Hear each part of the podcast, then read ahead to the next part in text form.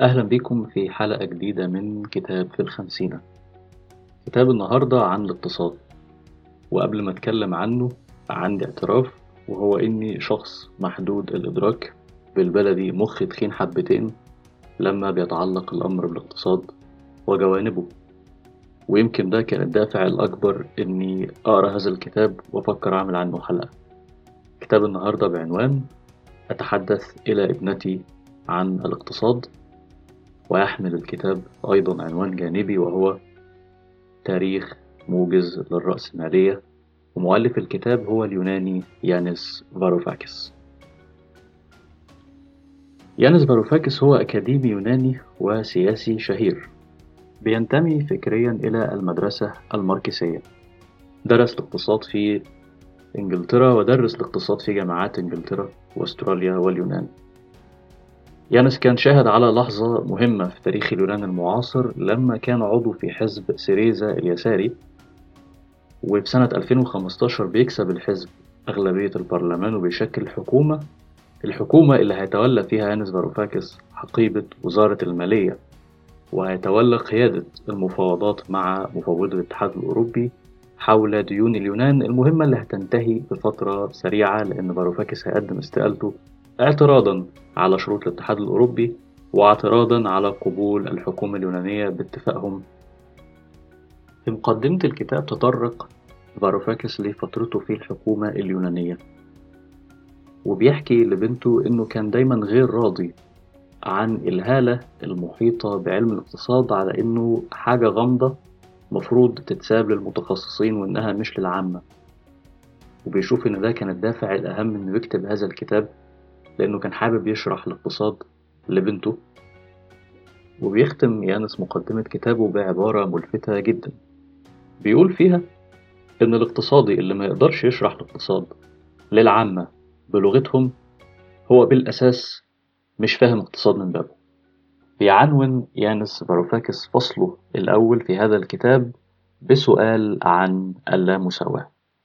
بيبدأ فاروفاكس الفصل الأول بإنه بيفكر بنته بملاحظتها الدائمة وغضبها الدائم من اللامساواة بين الأطفال في العالم وبيحاول يوصل مع بنته إلى إجابة عن سبب اللامساواة في العالم.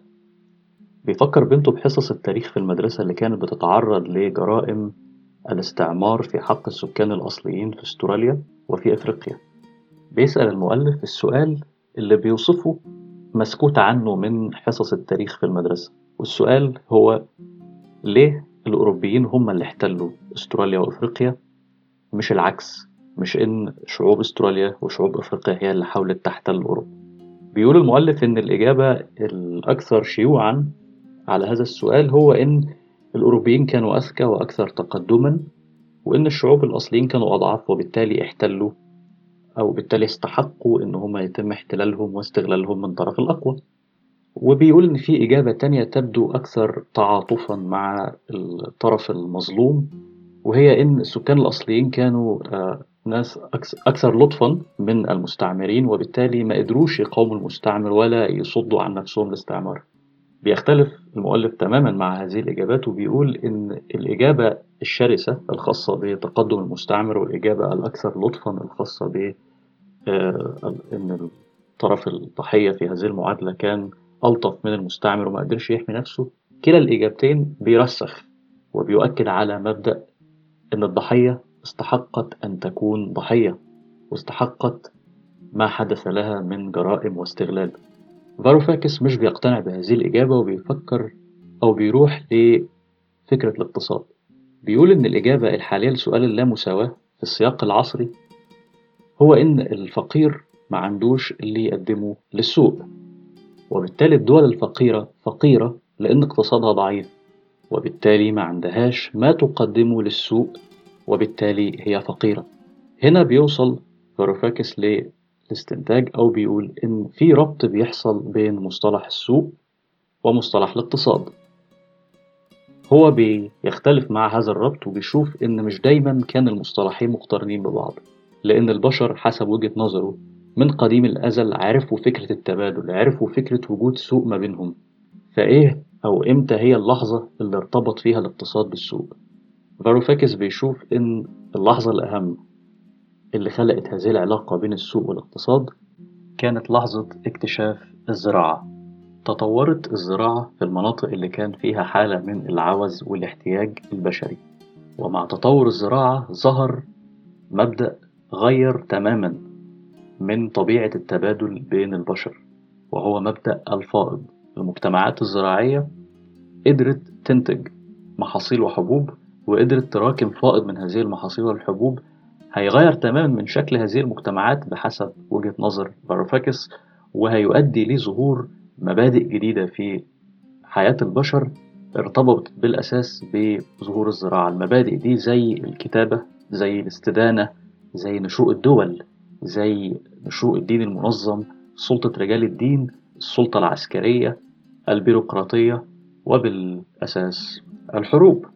بيشوف على سبيل المثال فاروفاكس إن الكتابة سبب رئيسي في ظهورها كنشاط بشري وتعامل بين الناس كان لتسجيل كميات المحاصيل المخزنة وتسجيل التعاملات بين المزارعين ومالك الأراضي وبيدلل إن الكتابة بهذا النوع ظهرت في حضارة بلاد الرافدين ربنا يفك أسرها واستدعى هذا الواقع الجديد من الفائض ظهور فكرة العملة اللي بدأت في البداية كونها حفريات أو بعض الصدف اللي كان يتم تبادله بين الناس ثم تطورت لعملات معدنية. وللمفارقة العملات المعدنية في البداية ما كانتش عملات واقعية بيمسكها الناس في إيديها ولكن بيقول فاروفاكس إن هي كانت عملات موثقة في وثائق أكتر من إن هي معدن بيتم تبادله. وبيقول إن ده ربما كان يكون أول ظهور لفكرة العملة الافتراضية من قديم الأزل. وجود العملة على حسب فاروفاكس استلزم وجود نوع من الإيمان بقدرة المتحكمين فيها على الوفاء بقيمتها. بيمد فاروفاكس الخط وبيقول إن سيطرة قلة على الفائض احتاجت لوجود نوع من أنواع السلطة الروحانية على الأغلبية اللي بدورها هتبرر سيطرة القلة سواء كانت الحاكمة أو غيره على الفائض. وده في وجهة نظره اللي كان ممهد لظهور سلطة رجال الدين وسلطة الدين المنظم. التغيرات اللي نشأت عن الزراعة ما وقفتش عند هذا الحد.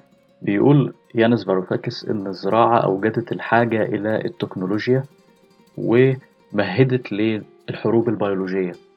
التكنولوجيا في وجهة نظره كانت حاجة رئيسية للزراعة للبحث عن تقنيات جديدة للري مثلا أو زراعة المحاصيل. من ناحية تانية التأثير الإيجابي للتكنولوجيا على الزراعة أدى إلى زيادة في الفائض.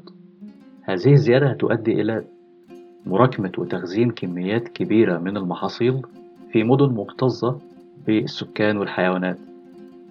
مجتمع هيوصفه فاروفاكس بأنه كان معمل بيولوجي ضخم نتج عنه سلالات غير مسبوقة من الفيروسات والبكتيريا أدت إلى ظهور أوبئة. ومع الوقت المجتمعات الزراعية اكتسبت مناعة ضد هذه الأوبئة وتعاون ويعني تعودوا عليها.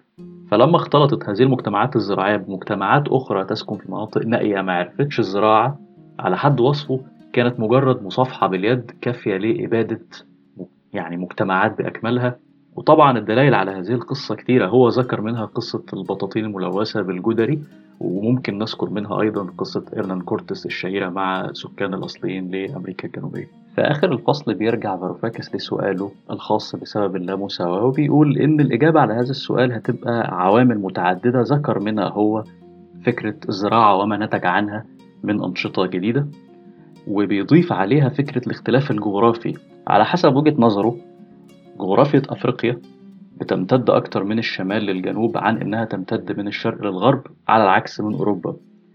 بيشوف هو ده دليل على إن التنوع المناخي في إفريقيا أكثر بكتير في درجاته من التنوع المناخي في أوروبا اللي تقريبا مناخها متوازن بين معظم مناطقها. ده سهل فكرة تبادل المحاصيل وازدهار الزراعة في أوروبا عن إفريقيا في وجهة نظره وبالتالي كان عامل مهم في توجيه الاستعمار إنه يكون من أوروبا لأفريقيا وليس العكس.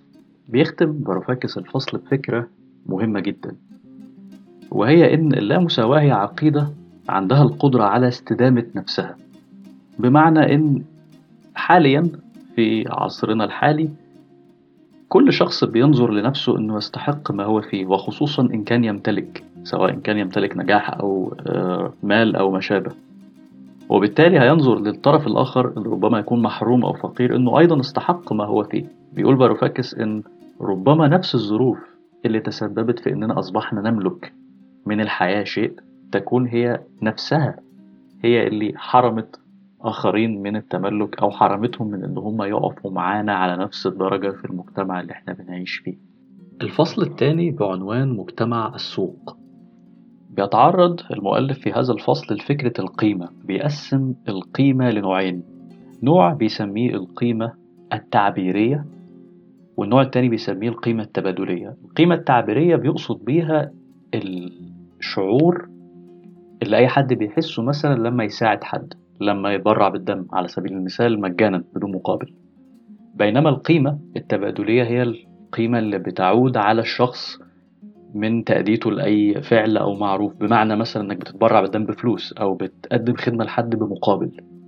بيستعمل المؤلف تقسيم لغوي خاص باللغة الإنجليزية أكتر.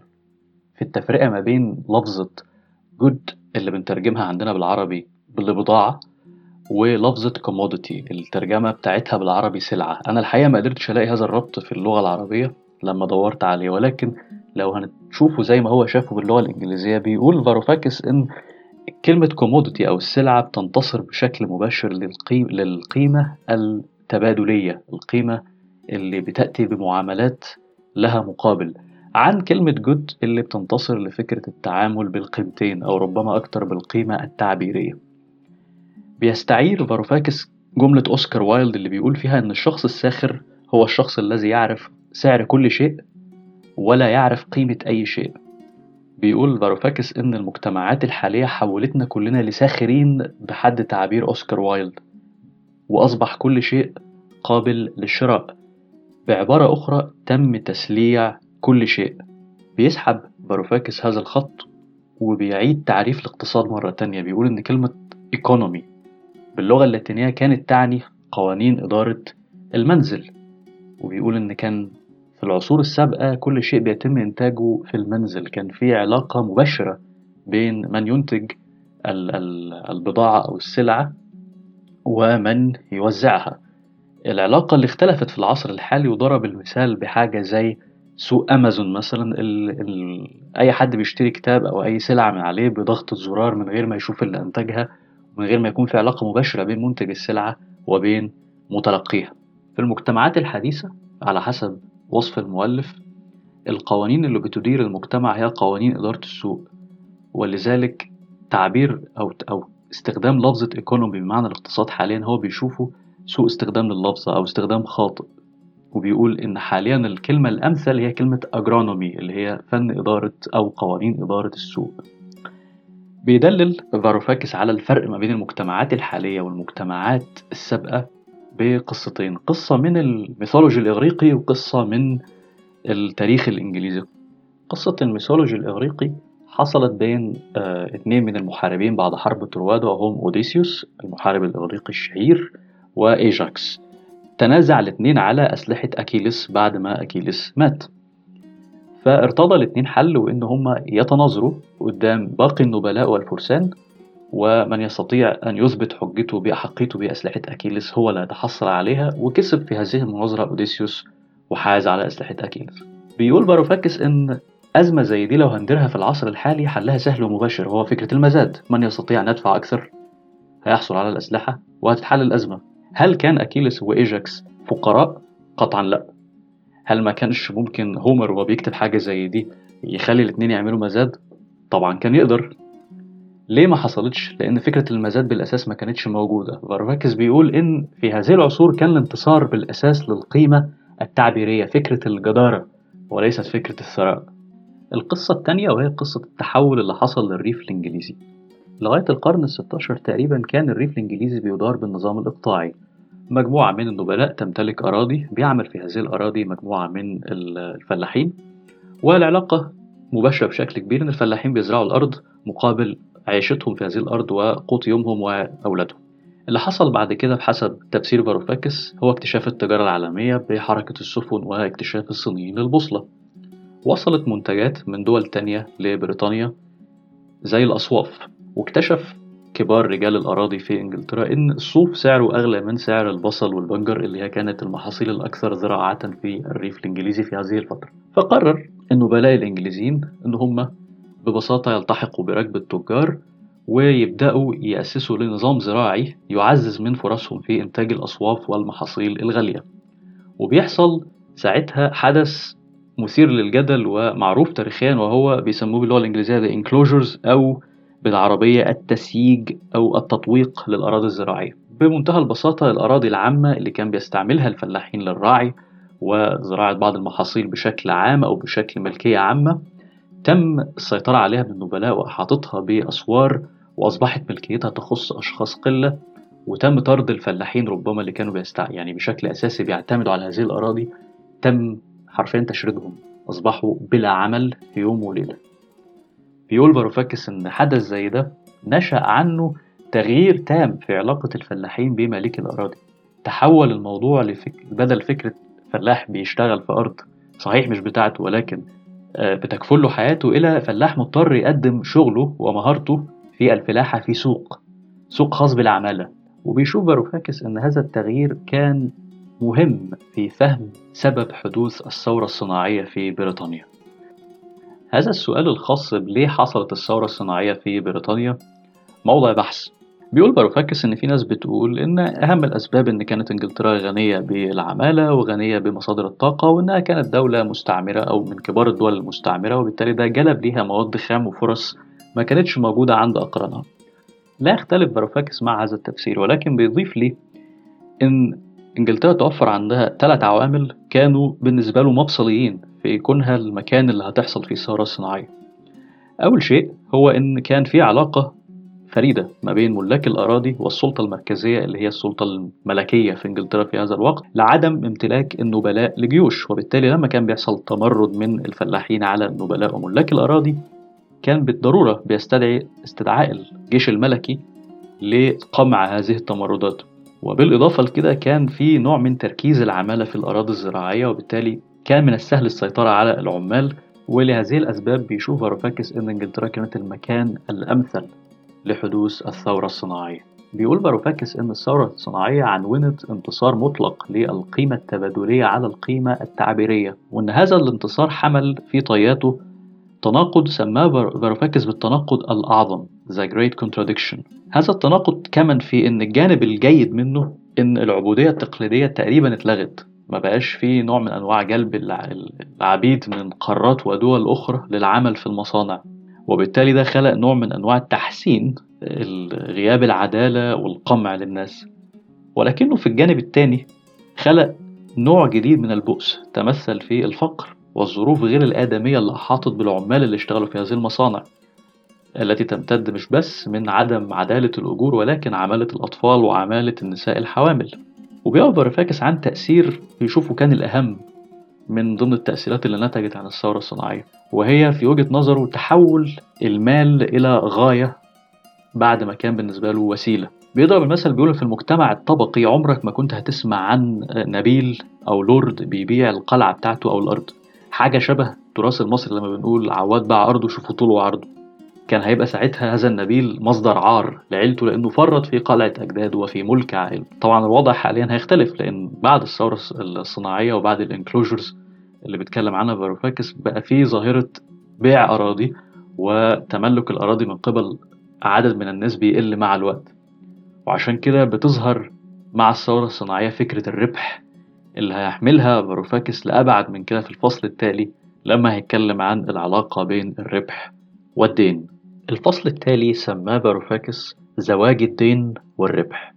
بيبدأ الفصل بالإشارة إلى المسرحية الشهيرة دكتور فاوست. المسرحية بالأصل اتكتبت في القرن الستاشر كتبها الكاتب المسرحي الإنجليزي كريستوفر مارلو.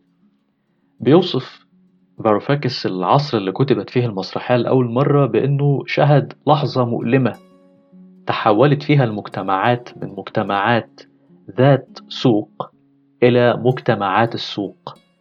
اللحظة اللي تزاوج فيها الدين والربح.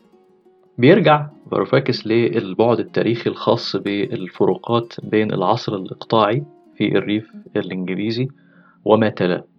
بيحكي إن بعد استبدال الزراعة العادية وقتها برعاية الأغنام وزراعة المحاصيل الغالية تم تحويل المزارعين إلى عمال بالأجرة. وبالتالي تعين على المزارعين إن هم يستأجروا الأراضي من الملاك ويزرعوها ويحصدوا ما زرعوا وبعد ما يبيعوا المحصول اللي هم زرعوه وقبضوا الثمن بتاعه يدفعوا الإيجار للمالك وبعد كده يأدوا أجور من ساعدهم من بعض العمال. ويحتفظوا في الآخر بما حققوه من ربح ولكن قبل ما تبدأ العملية دي وكل جوانبها كان لازم مستأجري الأراضي يستلفوا بالفايدة من المالك قبل ما يبدأوا في زراعة ورعاية الأرض. وبالتالي أصبح الدين هو الخطوة الأولى وبعده هيجي التوزيع وبعده الإنتاج.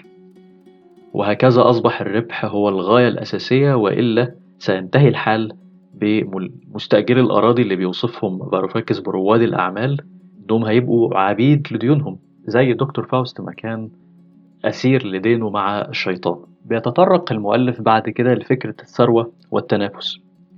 بيقول إن قبل التحول في المجتمع الزراعي الإنجليزي كان الخدم بيزرعوا دون إشراف مباشر من اللورد مالك الأرض. في المقابل اللورد بياخد حصته بيراكم الثروة في قلاعه وقصوره ولما كان بيحتاج لزيادة الثروة والتنافس ما كانش بيلجأ إنه يقتطع من الفلاحين ولكن كان بيتآمر ويتنافس على نظرائه من النبلاء أو إنه يحاول التقرب من الملك. وده بسبب إن في هذا الوقت ما كانش مصطلح الربح والفايدة موجود. لما بدأ عصر رواد الأعمال والتحول في زراعة الأرض أصبحت الفايدة هي الوسيلة الوحيدة لضمان صناعة الثروة. ولأن أي حد يقدر إن هو يتحول إلى مستأجر للأرض أو رائد أعمال بوصف فاروفاكس طالما وافق على الاستدانة فالمنافسة بين رواد الأعمال دول كانت حامية جدا على البقاء وتحقيق الربح.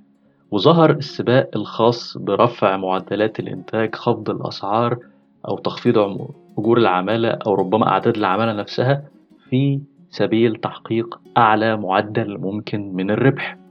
ومع ظهور التكنولوجيا واختراع المحرك ظهرت الحاجة لمزيد من الاستدانة وتوابعها من منافسة حامية وخفض أجور للعمال وإفلاس وفقر. بيقول فاروفاكس إن الاستدانة كانت هي الوقود الرئيسي للمحرك مش الفحم وده نتج عنه تحقيق ثروة طائلة للبعض وفقر شديد للكثيرين. بيدعي المؤلف إن الدين لمجتمع السوق يمثل نفس القيمة اللي يملكها الجحيم في العقيدة المسيحية. شيء مزعج ولكن لا يمكن الاستغناء عنه. بيقارن فاروفاكس ما بين نسخة فاوست الخاصة بمارلو والنسخة الخاصة بجوته. في النسخة الخاصة بمارلو دكتور فاوست لا ينجح في سداد دين الشيطان ولا في الهروب من الاتفاق وبينتهي به الحال ذاهبا إلى الجحيم. بينما في نسخة جوتا بينجو دكتور فاوست. وبيحصل على الخلاص نتيجة ما فعله من أمور طيبة بتنقذه الملائكة وبيذهب بعدها للجنة. في وجهة نظر المؤلف بعض الناس بيسمي عملية دفع الدين والتخلص من فوائده بالخلاص redemption. بيقول إن الدين كان دايما سؤال ديني. بيقول فاروفاكس إن الدين الإسلامي بيحرم بشكل صريح الفايدة على الدين. زي الدين المسيحي في عهد مارلو مؤلف دكتور فاوست. ويمكن ده السبب إن دكتور فاوست في نسخة مارلو ذهب إلى الجحيم لأنه اقترض بالربا والربا كان في هذا الوقت محرم. بينما في نسخة جوته الناس تسامحت مع فكرة الدين ومع فكرة الفايدة ولذلك تغيرت نهاية المسرحية ونجا دكتور فاوست في نسخة جوته. بيدعي فاروفاكس أن الثورة الصناعية لم تكن لتحدث إلا باستيعاب. الرفض العقدي والقانوني لفكرة الاستدانة بالفايدة. بيدعي فاروفاكس أن ولادة البروتستانتية لعبت دور كبير في هذا التحول الخاص بالفايدة والاستدانة. في وجهة نظره العقيدة البروتستانتية قامت على إنها ضد احتكار الكنيسة الكاثوليكية للسلطة الإلهية والتواصل مع الرب وإن أي شخص يقدر يتواصل مع الرب دون الحاجة للكنيسة الرجعية في حد وصفه. بيشوف باروفاكس إن الكنيسة البروتستانتية كانت متمركزة على الإنسان على الفرد وبذلك أصبح التاجر أو رائد الأعمال هو البطل الأيقوني للبروتستانتية لأن هو الفرد المتمكن المتحقق.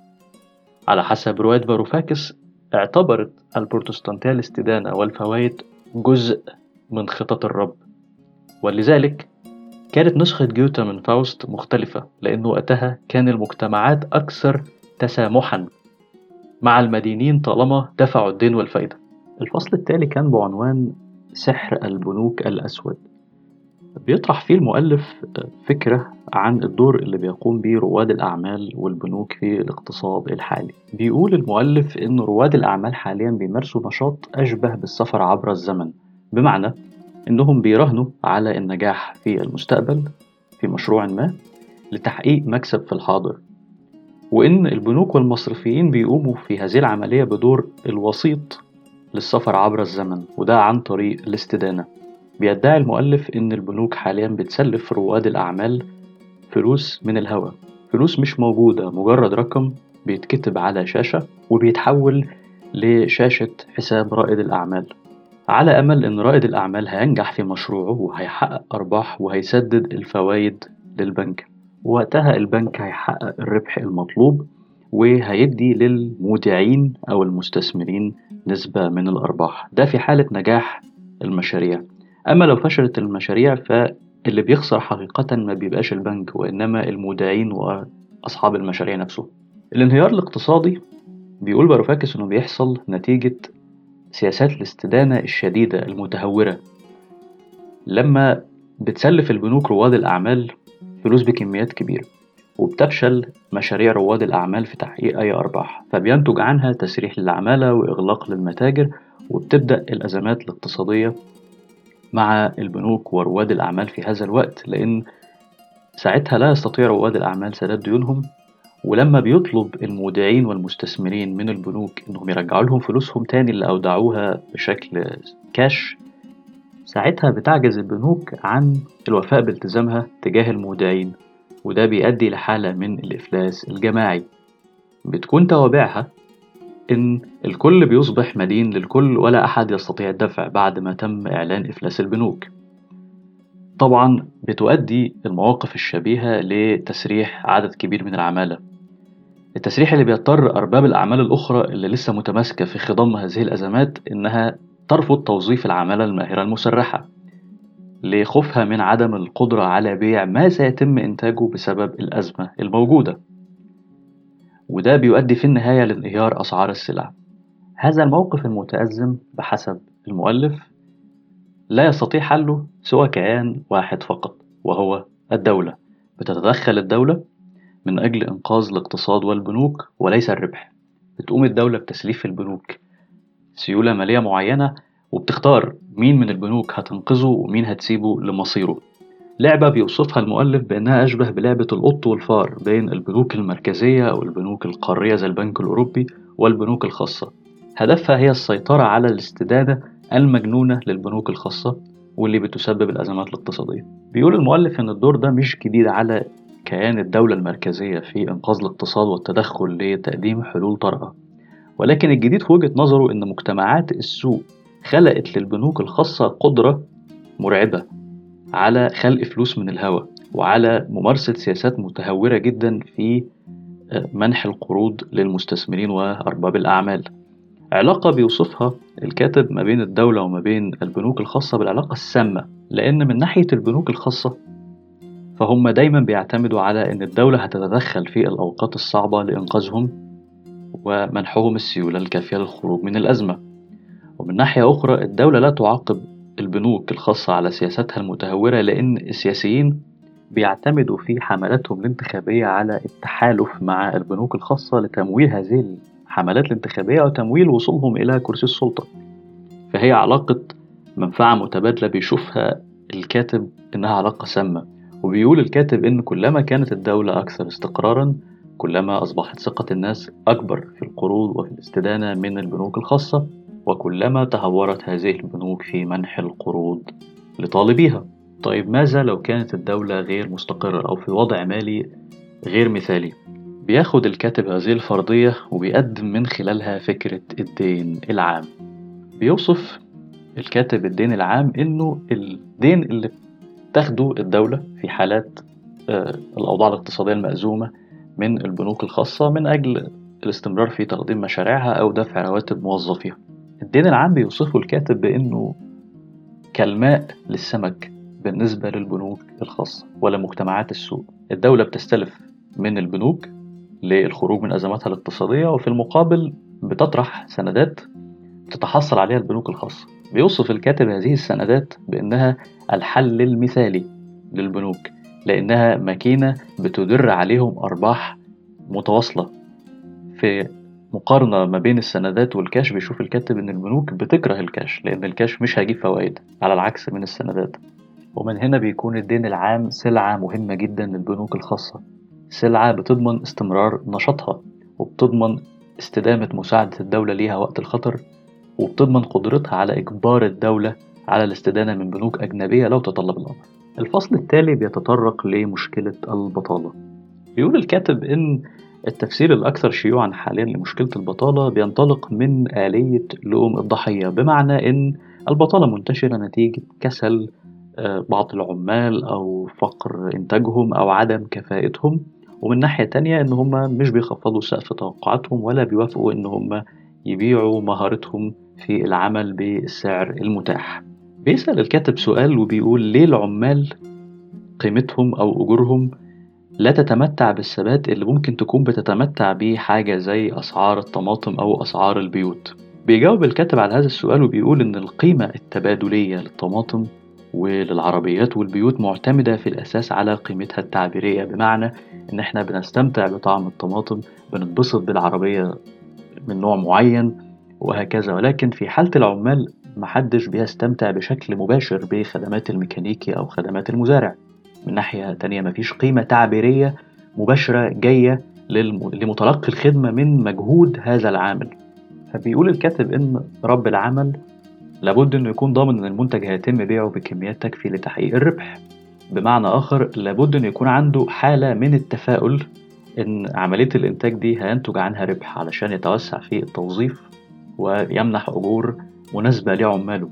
ولو تعكس الوضع وكان رب العمل عنده حالة من التشاؤم والقلق ده هينعكس على معدلات التوظيف والحدود الدنيا للرواتب. شوف الكاتب إن تخفيض الرواتب هيكون ليه أثر عكسي على عملية الإنتاج بشكل كبير أو عملية تحقيق الربح لأن تخفيض الرواتب هيقلل من وجود مستهلكين. فبيستنتج المؤلف من هذه المقدمة إن تفاؤل وتشاؤم رواد الأعمال بيحكم بشدة فكرة الاقتصاد والتوظيف والبطالة. بيروح الكاتب لفكرة تانية وهي فكرة سوق المال ماني ماركت بيقول إن عادة أرباب الأعمال عشان يستدينوا بيبصوا على عدة عوامل بيبصوا على سعر الفايدة على القرض على حالة السوق على احتياج العمل وإن خبر مثلا زي إن البنك المركزي خفض سعر الفايدة أو زود سعر الفايدة بيعزز من تشاؤم أو تفاؤل رواد الأعمال على حسب. ومن هنا بيرجع المؤلف مرة تانية للتراث الإغريقي وبيستدعي عقدة أوديب. بيقول للمؤلف إن أوديب كان ممكن ينجو من مصيره لو كان تشكك في النبوءة.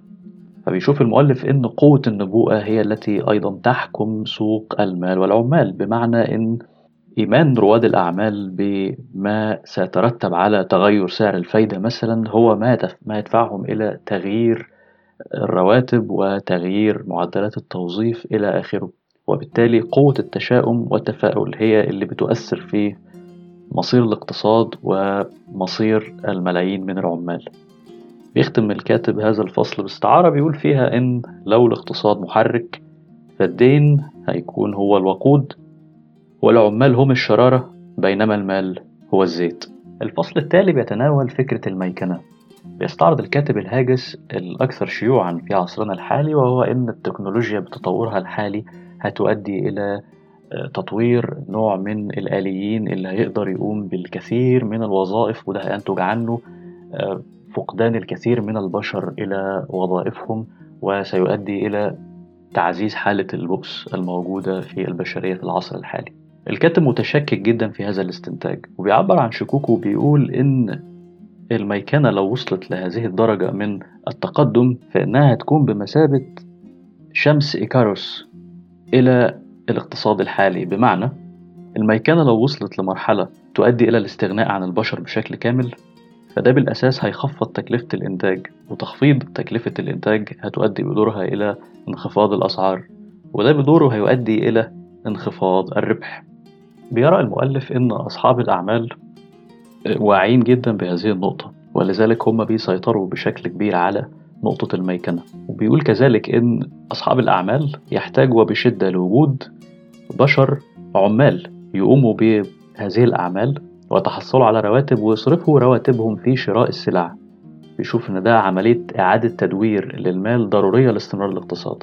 بيعبر الكاتب إنه مش خايف من فكرة سيطرة الآليين أو الماكينات على سوق العمل إطلاقا. ولكن ما يخشاه بالفعل هو إن قلة من أرباب الأعمال هي اللي هتسيطر على فكرة الميكنة وهتوجهها لتحقيق أكبر قدر ممكن من الربح. وده ممكن يخلق نوع من أنواع الأزمات الخاصة بالبطالة والتوظيف وانخفاض الرواتب وهيتحول سوق العمل عالميا إنه هيكون تحت سيطرة عدد قليل جدا من أرباب الأعمال. وبشكل شخصي وأنا بقرأ هذا الجزء من الكتاب جه في دماغي إيلون ماسك والشريحة الدماغية اللي كان بيروج ليها الفترة اللي فاتت واللي لم يثبت صحة أي شيء مما زعمه من مميزات هذه الشريحة. الشيء اللي فاروفاكيس بيقول إن الخوف مش من سيطرة الروبوتات على حياة البشر ولكن الخوف من إن اقتصاد البشر سيكون بيد قلة قليلة جدا من أرباب الأعمال اللي هيسيطروا على الميكنة وهيكونوا هم المتحكمين الوحيدين في التوازن ما بين ميكنة العمل والإنتاج والعامل البشري في نفس عملية الإنتاج. في الفصل التالي بيتطرق الكاتب لفكرة نزع السياسة عن المال وبيتناول الكاتب فكرة البيتكوين. بيقول الكاتب إن الزعم الرئيسي من الترويج للبيتكوين كان إزالة السياسة عن العملة.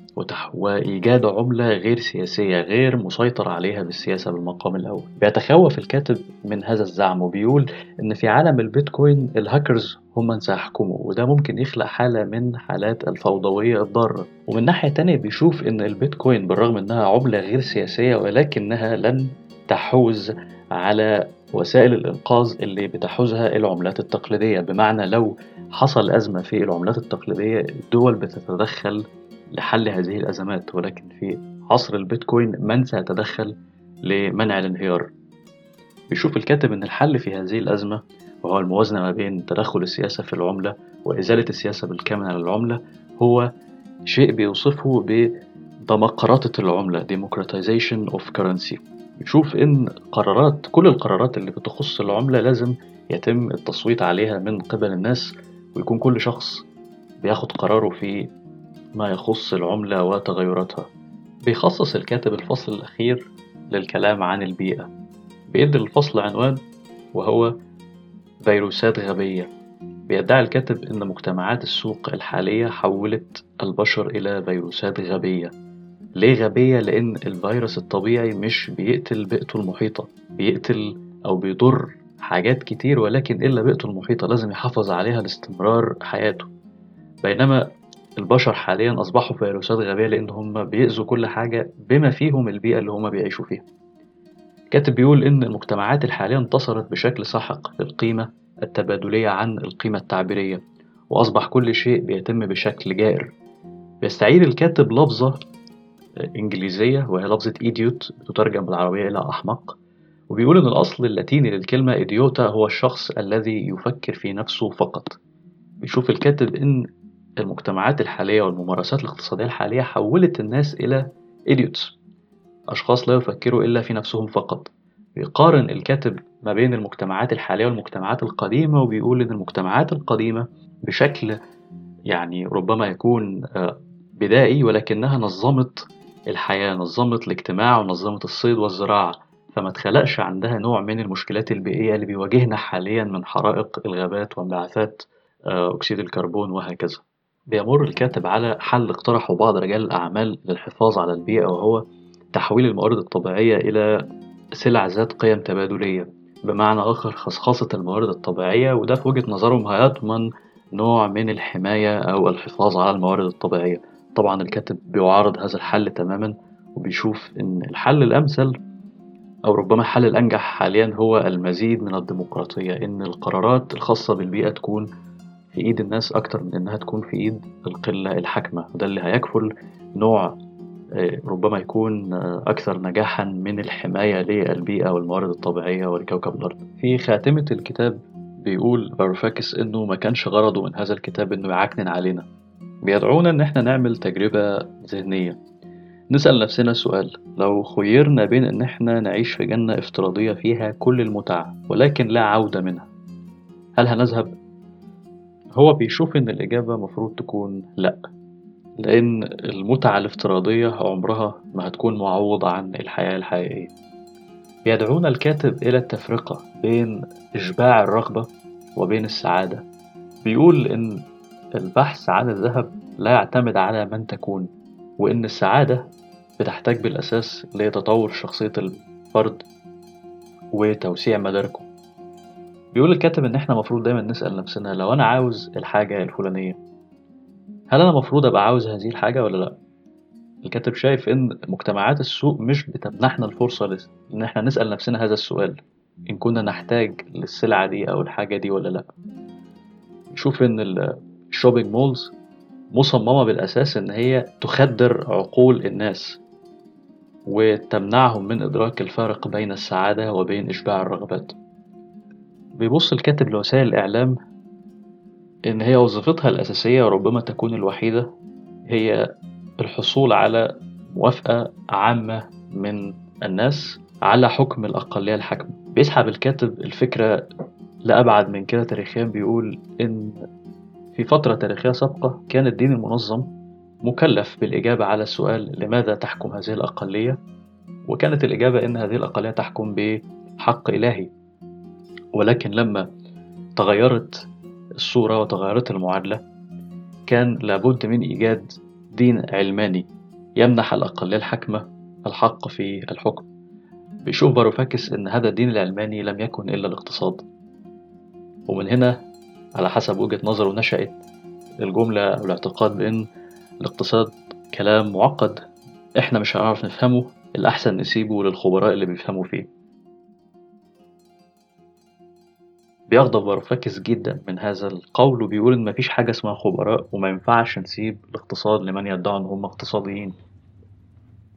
بيشبهنا الكاتب في حال قيامنا بترك الاقتصاد لمن يدعوا إنهم خبراء فيه بإننا مش هنبقى فرقنا حاجة عن سكان القرون الوسطى اللي يسابوا حياتهم لرجال الدين المتحالفين مع السلطة وقضاة محاكم التفتيش لتسييرها. بيشكك الكاتب بقوة في كون الاقتصاد علم زيه زي الفيزياء وإن الاقتصاديين علماء زي علماء الفيزياء. بيقول إن ده كلام مش منطقي على الإطلاق لأن في وجهة نظره مستحيل. نعمل معمل اقتصادي يقدر يتنبأ بنتيجة تجربة ويتحكم في كل عواملها زي ما ممكن يحصل في معمل فيزيائي. وفي النهاية بينصحنا الكاتب إننا ناخد خطوة للخلف نتمعن ونتأمل في مجتمعات السوق. وحقيقة ممارستها وما تمليها علينا. بهذه التجربة الكاتب بيضمن إننا هنرفض هذه الجنة الافتراضية وهندرك تأثير مجتمعات السوق الحالية على قدراتنا الإبداعية وعلى الكوكب اللي بنعيش فيه. تجربة بيصفها الكاتب في آخر سطور كتابه وبيقول ينبغي علينا أن ننظر إلى هذا العالم من خلال عيون لاجئ. بكده نكون وصلنا لنهاية الحلقة. أتمنى ما أكونش طولت عليكم بشكر كل الناس اللي هيكون عندها صبر لتكملة الحلقة لنهايتها. الحلقة المرة دي طويلة مقارنة بالحلقات السابقة. آه، الحقيقة أنا استمتعت بقراية هذا الكتاب. كان تجربة قرائية لطيفة جدا. آه، في أسلوبه وفي ربطه الاقتصاد بالتاريخ والأدب بشكل كبير. وجهة نظر باروفاكس ووجهة النظر الخاصة بآثار الزراعة على البشرية آه، هي محل نقد. في بعض الناس نقد هذه النظرية وقدم تصور بديل. آه، يمكن مؤخرا تعرضت المقال كان بعنوان كيف نغير مجرى التاريخ البشري للأكاديمي الأمريكي الراحل آه، ديفيد جريبر آه، هحط هذا المقال في التعليقات أو ربما في وصف الحلقة للي حابب يقرأ أو يشوف وجهة نظر بديلة. أتمنى أكون قدمت لكم شيء مفيد. آه، اقتراحاتكم مرحب بيها للغاية في التعليقات أو في أي شكل تحبوه. وحتى نلتقي. آه، دمتم سالمين وإلى اللقاء في حلقة جديدة.